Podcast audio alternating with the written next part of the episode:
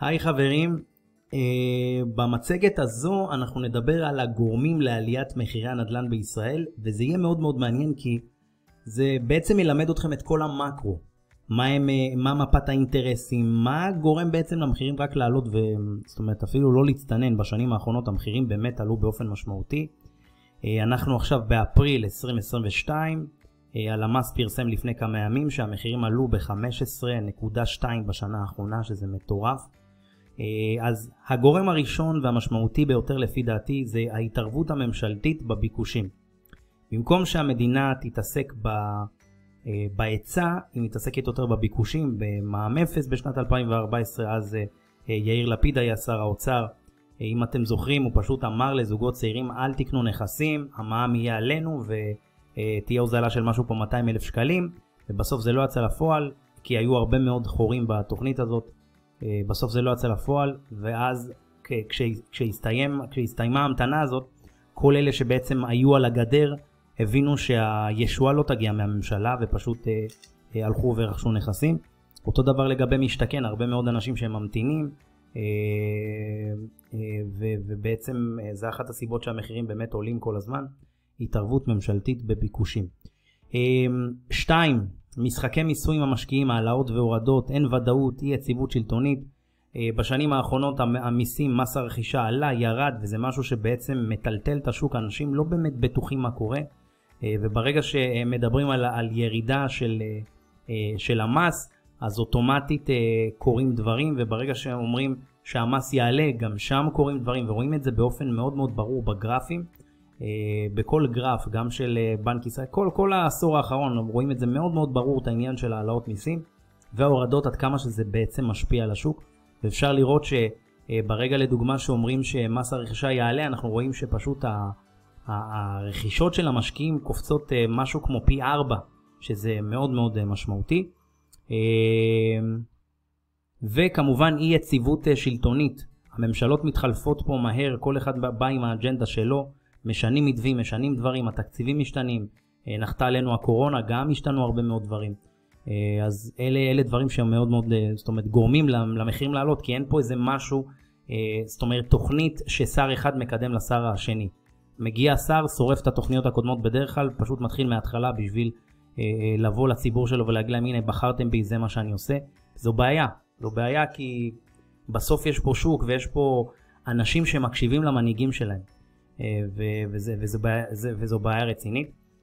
אה, הגורם השלישי זה תחום ההשכרה. תחום ההשכרה במדינת ישראל לא מפותח ודורש זמן לפיתוח. אנחנו נבין גם כמובן מה, מה הפתרונות של הבעיות האלה שאני מציף, מה הפתרונות שלפי דעתי אה, אפשר בעצם ליישם אותם ולהגיע למקום יותר טוב, זה אני בטוח. הגורם הרביעי זה מחיר קרקע לכל המרבה במחיר.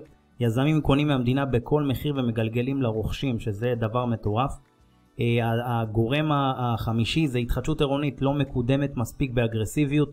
מתחמי התחדשות עירונית מקבלים תמחורים אה, שבעצם, אה, שמנותקים הרבה פעמים מהמציאות וזה משהו שמעלה את המחירים של כל הסביבה.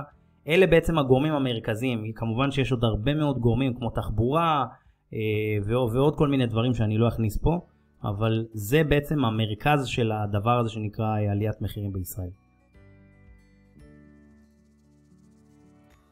הפתרונות האפשריים אה, וחלקם מיידיים, אז אה, במצגת הקודמת דיברנו על, אה, דיברנו על התערבות ממשלתית, שימו לב על גורם מספר 1, התערבות ממשלתית, אז פה בעצם אני תוקף את זה, ופשוט לא להתערב בביקושים, אלא רק בהיצע ובבנייה שתואמת את הגידול הדמוגרפי. חייבים בעצם באמת לשים יעדים ולדאוג לעמוד בהם, כי אחרת נוצר מצב שהמחירים רק עולים ועולים ועולים, בסוף זה המחירים סבבה שאנחנו נהנים מזה, אלה שיש להם נכסים ו- ו- וכאלה, אבל בסוף זה פוגע בכולם, כי המחירים רק עולים ועולים ועולים, ובאמת אה, זה מטורף, אז צריך באמת לדאוג לווסת את הדבר הזה, ועלייה של 15% היא לא טובה.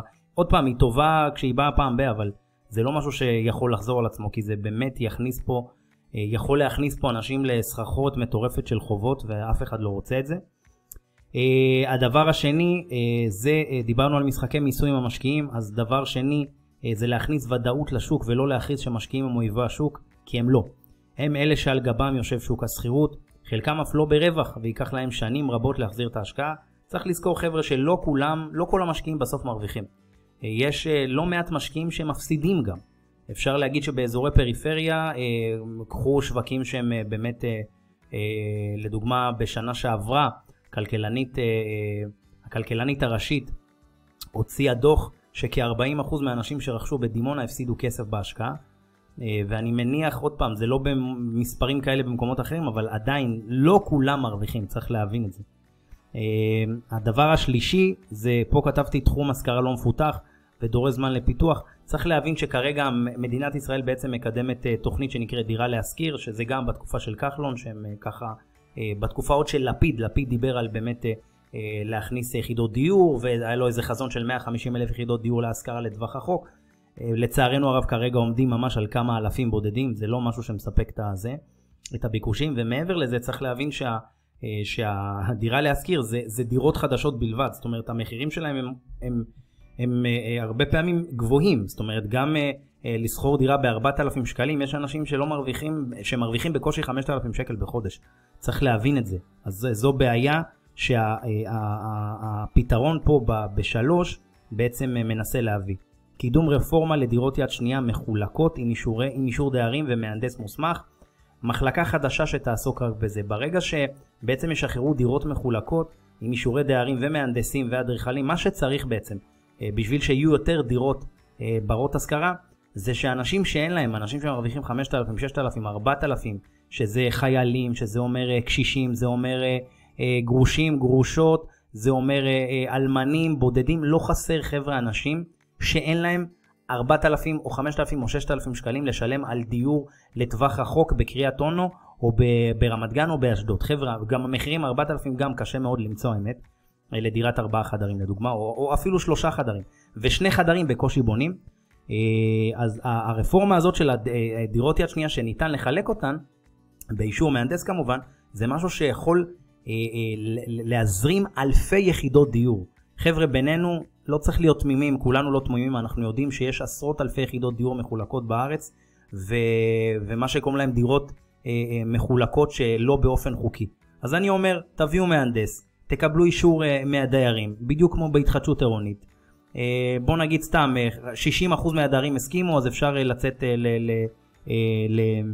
בעצם לקידום רפורמה של דירות יד שנייה, ואפשר בעצם לשפות את הדיירים, לתת להם תמורות, כמו לדוגמה לשפץ את הכניסה, לסדר אותה, אה, אה, להרים שם גינון, אה, אולי אפילו דלת מסודרת. יש הרבה מקומות, חבר'ה, שאתם באים להיכנס לכניסה או נכנסים לתוכה ואתם אומרים, אלוהים, כאילו, איך אנשים גרים פה? זה, זה מטורף. אז הדבר הזה זה משהו שיכול באמת לעזור לשני הצדדים, גם למשקיע, שבעצם אה, אה, ירוויח תשואה הרבה יותר גבוהה לדירה שלו, וגם לשכנים שגרים שם, אה, בעצם תהיה להם הכניסה יותר טובה, והצד השלישי שמרוויח זה, זה השוכרים, שוכרים, חיילים וכל האנשים שמניתי מקודם, שבאמת יכולים לסחור פה דירה ב-1,700, 1,800, 2,000 שקלים במחיר, במחיר מאוד אטרקטיבי שכולל את כל ההוצאות, שזה כולל ארנונה, ארנונה, חשמל, מים, שזה מדהים. אה, וכמו שאמרתי, בדירה להשכיר אין את הדבר הזה, חשמל עליך, ארנונה עליך, הכל עליך, אה, אז צריך להבין את זה. פה בדירות, אה, בדירות המחולקות, הדירות יד שנייה, זה, זה באמת עולם אחר, ויזרים פשוט מהר מאוד דירות, ולא לחכות לחשוב שהדירות של דירה להשכיר יסתיימו, כי יש פרויקטים שנחתמו, כן, אבל רק עוד 3-4 שנים יבנו את הבניינים, עד עוד 3-4 שנים אלוהים גדול, כאילו פשוט זה לא עומד בביקושים. אז הדבר הזה של המחולקות זה משהו שלפי דעתי יכול לעשות פלאים. Uh, דבר uh, שבעצם קשור לפתרון השלישי שהצעתי, זה שחרור דירות נטושות וריקות. יש הרבה מאוד דירות נטושות במדינת ישראל, מדובר על משהו כמו 180 אלף מהדוחות האחרונים שקראתי לפחות, כ-180 אלף דירות נטושות אה, זה, זה מספרים מטורפים, דירות ריקות, נטושות, זה המון המון דירות שאפשר אה, להכשיר אותן, גם אם לא 180 אלף דירות, אולי נגיע לשליש, זה כבר, זה גם משהו שאפשר לעשות איתו משהו, עדיף משהו מאשר כלום. אה, אז כדאי לעשות כל מיני רפורמות שבאמת יפתרו את הבעיה הזאת, שאנשים לא סתם, סתם נשארות דירות ריקות והמחירים רק, אה, אה, זה, זה, זה, מטורף. אז הדבר הזה של הקידום דירות יד שנייה מחולקות, אה, כולל שחרור דירות נטושות וריקות, זה משהו שיזרים הרבה מאוד uh, דירות uh, בזמן, בטווח זמן המיידי, לא להמתין עכשיו שנים עד שזה ייבנה ואישורים וכאלה.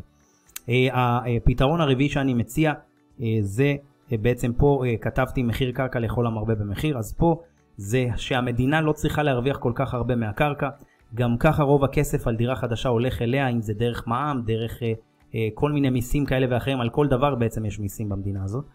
אה, למצוא מתווה שיתמרץ ליזמים לבנות, לא למכור להם במחירים הזויים ואז לבכות שהם מוכרים ביקר. אין להם ברירה. בסופו של דבר חבר'ה, יזם לא ילך לבנות. אה, יזם לא ילך לבנות דירה אם, אם יש לו משהו שהוא אה, יסתכן בה. אין מצב. צריך להבין את זה וצריך אה, להבין שבסופו של דבר היזמים האלה זה אנשי עסקים שמחזיקים את, את שוק הנדל"ן, הם מחזיקים אותו. זאת אומרת, בלעדיהם אה, בכלל תהיה קטסטרופה. נכון שהם לא עושים את זה לשם שמיים, והם מרוויחים זה יפה מאוד, אבל אה, אנחנו גם צריכים לדאוג שהם ירוויחו, אין מה לעשות. בסוף הם בונים, הם מקצועיים בדבר הזה, אה, וצריך להבין את זה. מספר 5, הפתרון שלי זה לייעל את התהליך, את תהליך ההתחדשות ולהאיץ אותו משמעותית. השוק בפיגור, להוריד את אחוז הסכמת השכנים ל-51% ולהיות מורגשים יותר בשטח בליווי הפרויקטים. ברגע שהאחוז הסכמה ירד, יהיו הרבה יותר פרויקטים שאפשר לקדם אותם ולא להיתקע על איזה שכן שתוקע לנו עכשיו אה, את ההחתמות. ואני אומר את זה מניסיון. אה, יש לנו אה, ארבעה מתחמים בבאר שבע, ושם מה שתוקע אותנו זה פשוט שכנים, אנשים זרמו איתנו והכל, והבאנו לפי דעתי כאילו אחוזים ניכרים של חתימה, ויש כמה שכנים שפשוט תוקעים את הדבר הזה, וכל מיני משקיעים שמחזיקים כמה דירות, וזה משהו שהוא מבאס, כי בסופו של דבר כאילו רוצים לקדם, רוצים לעשות דברים, אבל אבל העניין הזה של ההסכמה שהיא מאוד מאוד גבוהה זה משהו שרק תוקע אה, אה, פרויקטים לפי דעתי. אני חושב שצריך להוריד את זה ל-51%, זה מספיק. בסוף אותם אנשים יקבלו דירה חדשה והכל בסדר. גם היום עם כל החוקים וההגנות שיש לדיירים שמפונים, זה הגנות מטורפות, זאת אומרת נותנים להם שכירות ונותנים להם הרבה הרבה מאוד דברים, יש גם יזמים שמציעים לקנות את הדירה במחיר שהוא כאילו עתידי, הרבה מאוד קומבינציות שבעצם עוזרות לקדם את הדברים, ואני חושב שבאמת אה, אה, אה, דבר נוסף, זה שהמדינה חייבת להיות יותר מורגשת בפרויקטים בשביל לתת ביטחון גם לדיירים להתקדם. כי הרבה פעמים דיירים מרגישים שהם מול יזמים, אה, שרוצים במרכאות לעשות כסף על גבם, והם לא מבינים איך להתנהל בדבר הזה. ואז ברגע שהעיריות, שהאמת שהן יותר נכנסות עכשיו לעניין, אבל פשוט ברגע שהרשויות המקומיות, ייכנסו יותר לעניין ובאמת יקדמו ובאמת יגידו לדיירים הכל בסדר, אנחנו איתכם, אנחנו נדאג לכל, לכל הדבר הזה, אז, אה, אז מתחמים אה, פשוט אה, יתקדמו הרבה הרבה יותר מהר, חייב להאיץ את הדבר הזה כי פשוט זה לא עומד בביקושים ואנחנו רואים את זה בעליית המחירים. מפת האינטרסים המרכזית בשוק הנדל"ן, אחת הסיבות המרכזיות שמחירי הנדל"ן עולים זה בגלל שרוב השוק לא רוצה שהמחירים ירדו ורוב השוק מושקע ב, בהרבה מאוד מיליארדים. האינטרס הראשון והמשמעותי אה, זה בעלי נכסים. בעלי נכסים מחזיקים כשני שליש מהדירות בישראל. כל מי שבעל נכס לא רוצה שהמחירים ירדו. בסוף הבעלי נכסים, חבר'ה, זה הסבתות שלנו, זה הסבים שלנו, זה ההורים שלנו. אז חשוב להבין שהם גם בעלי נכסים, והם לא רוצים באופן כללי שהמחירים ירדו. בטח אנשים שרכשו דירות בתקופות האחרונות, אה, כי בסופו של דבר, כי כשעולה אצלנו, עולה, עולה, זה בכל השוק עולה, אה, אז חשוב להבין את זה שבעלי נכסים מחזיקים כשני שליש מהדירות ולא רוצים שהמחירים ירדו. אה, הדבר השני זה יזמים שמחזיקים חברות עם מאות עובדים והתחייבויות של מאות מיליוני שקלים לפרויקט, מניחים מראש שימכרו ברווח, אחרת למה להם להיכנס להרפתקה מסוכנת. אף יזם חבר'ה לא ייקח על עצמו סיכון מטורף שהוא יודע מראש שהוא הולך להפסיד. אין מצב. כאילו אם הוא עכשיו הוא אה, עשה את החישובים שלו, דוח אפס, דוח כלכלי מסודר, שהנכסים אמורים להימכר במיליון, סתם נגיד דירת ארבעה חדרים מיליון וחצי, ופתאום במכירות הוא אה, אה, אה, מוכר במיליון 200, חבר'ה זה הפסד של 300 אלף שקל על כל דירה, זה, הוא יכול לקרוס, כאילו, זה, זה רמות כאלה ואף אחד לא רוצה, אה, זה פשוט יכול לעשות אה, בלאגן שלם. אה, אז צריך להבין את זה שיזמים שמחזיקים חברות, הם מחזיקים מאות עובדים וצריך להפעיל את הדבר הזה. אה, משקיעים, אה, זה בעצם האינטרס השלישי המרכזי בשוק, משקיעים מחזיקים הרבה מעל 20% מהנכסים בישראל כי הרבה רושמים את הדירות על ילדיהם. על פי רישומים מרכזיים של הלמ"ס וכולי, מדובר על כ-20% קצת יותר שמחזיקים בנכסים כמשקיעים, אבל בתכלס מחזיקים יותר, כי לא מעט מהאנשים רושמים דירות על ילדיהם, אה, שזה משהו שהוא חשוב להבין אותו, וזה בסדר דרך אגב, אפשר גם להבין אותם, בסוף הם דואגים לילדים שלהם. בסוף כל הדירות שהם אוספים או קונים זה כי הם מאמינים ששוק הנדל"ן ימשיך לעלות ולהשביח את עצמו, ו- ובזה הם מבינים, לא כולם מבינים בשוק ההון ולהתחיל עכשיו לחשב מספרים. יש אנשים שמבחינתם זה פחות כאב ראש. לקנות דירה, יש שם סוחר, זאת אומרת הרבה יותר קל להתנהל עם זה, זה מוצר שהוא די קל לנהל אותו אה, עבור אה, רוב האנשים, אה, ולכן הרבה מאוד מעדיפים נדל"ן. אה, המפה הרביעית אה, זאת אומרת, האינטרס הרביעי, סליחה, רוכשים שניגשים לרכוש דירה לא היו רוכשים אותה אם היו חושבים שהדירה שרכשו ב-2 מיליון תעלה בעוד שנה רק 1.8. גם רוכשים בשלים רוצים שמחירי הדירות יעלו מפני שעוד רגע הם בעלי נכסים. צריך להבין שגם רוכשים שנמצאים באותו שוק ורוצים לקנות נכס, הם תמיד חושבים על השנתיים, שלוש, חמש קדימה, המחיר יעלה ואז נתקדם, תמיד יש את החשיבה הזאת. אז אף אחד לא היה קונה נכסים אם, אם היו יודעים שהמחירים אה, כרגע בצלילה למטה. אה, תהיו אתם עם יד על הלב, במידה ואין לכם נכס, את, האם אתם הייתם הולכים לקנות נכס ב-2 מיליון שקלים, כאשר אתם יודעים ששנה לאחר מכן הוא יעלה כמה מאות אלפי שקלים פחות, והמשכנתה שלכם אתם תשלמו את זה עדיין על אותו סכום. אתם מבינים? זה, זה הבעיה הגדולה. האינטרס החמישי, ולפי דעתי זה גם הבוסט הרציני פה שמחזיק פה את כל הדבר הזה, אה, זה הבנקים, הבנקים מן הסתם לא רוצים שהמחירים ירדו, חברות ביטוח, חברות אה, להלוואות חוץ בנקאיות, חברות אשראי. המדינה לא תרצה שהמחירים ירדו כי היא תרוויח פחות ממיסים. אה, אז זה, זה המפת האינטרסים, צריך להבין את המפה הזאת כי זה, זה הדבר שמחזיק בעצם את הדבר הזה שנקרא נדל"ן. הרבה, זאת אומרת רוב השוק חבר'ה לא רוצה שהמחירים ירדו. צריך להבין את זה. יש קהל מאוד מאוד קטן שרוצה שהמחירים ירדו, זה כל מיני אנשים בדרך כלל צעירים שלא אה, לא תפסו נכס בזמן אה, ומתפללים שהמחירים ירדו, אבל כמו שאנחנו רואים, המחירים ממשיכים לעלות.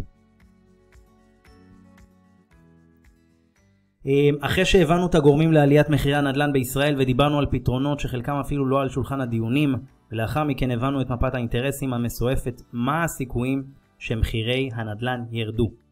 מאז קום המדינה המחירים עלו ואין חדש תחת השמש.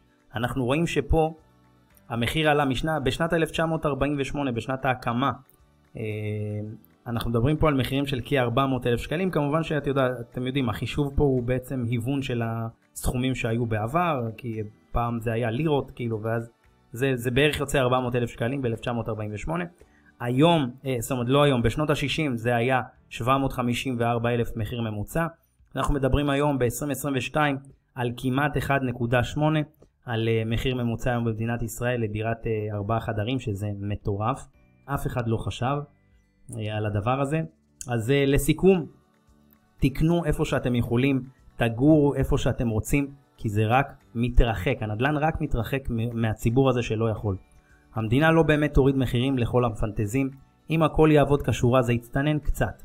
ולכולנו יש אינטרס שבאמת זה יצטנן ולא ימשיך להיות uh, במחירים כאלה, כי בסוף הכל הכל עולה, האוכל הכל הכל יעלה. Uh, והיום זה באמת מאוחר מדי, המחירים לא זה. המדינה היא היזם הגדול במדינה, וכמו כל יזם, היא רוצה להרוויח. המצגת הזו היא כמובן לשם הלימוד בלבד, ולא מחליפה ייעוץ מקצועי פרטני. חברים, אני הייתי בן סולומון, נהניתי מאוד לעשות לכם את, ה, את ההרצאונת הקטנה הזאת. אני מקווה מאוד שלמדתם אה, הרבה על כל המקרו, על מפת האינטרסים, על הסיבות לעליית המחירים. אה, שתפו את המצגת הזאת לעוד אנשים, שתפו את הוידאו הזה לעוד אנשים, כי אני בטוח שהם ילמדו המון. תעקבו אחריי ברשתות, אם זה ביוטיוב, פייסבוק, טיק טוק, אינסטגרם, תעקבו. אה, אני מפרסם דברים שקשורים בנדל"ן, פיננסים והתפתחות אישית. שמחתי מאוד, ושיהיה לנו בהצלחה, ולהתראות.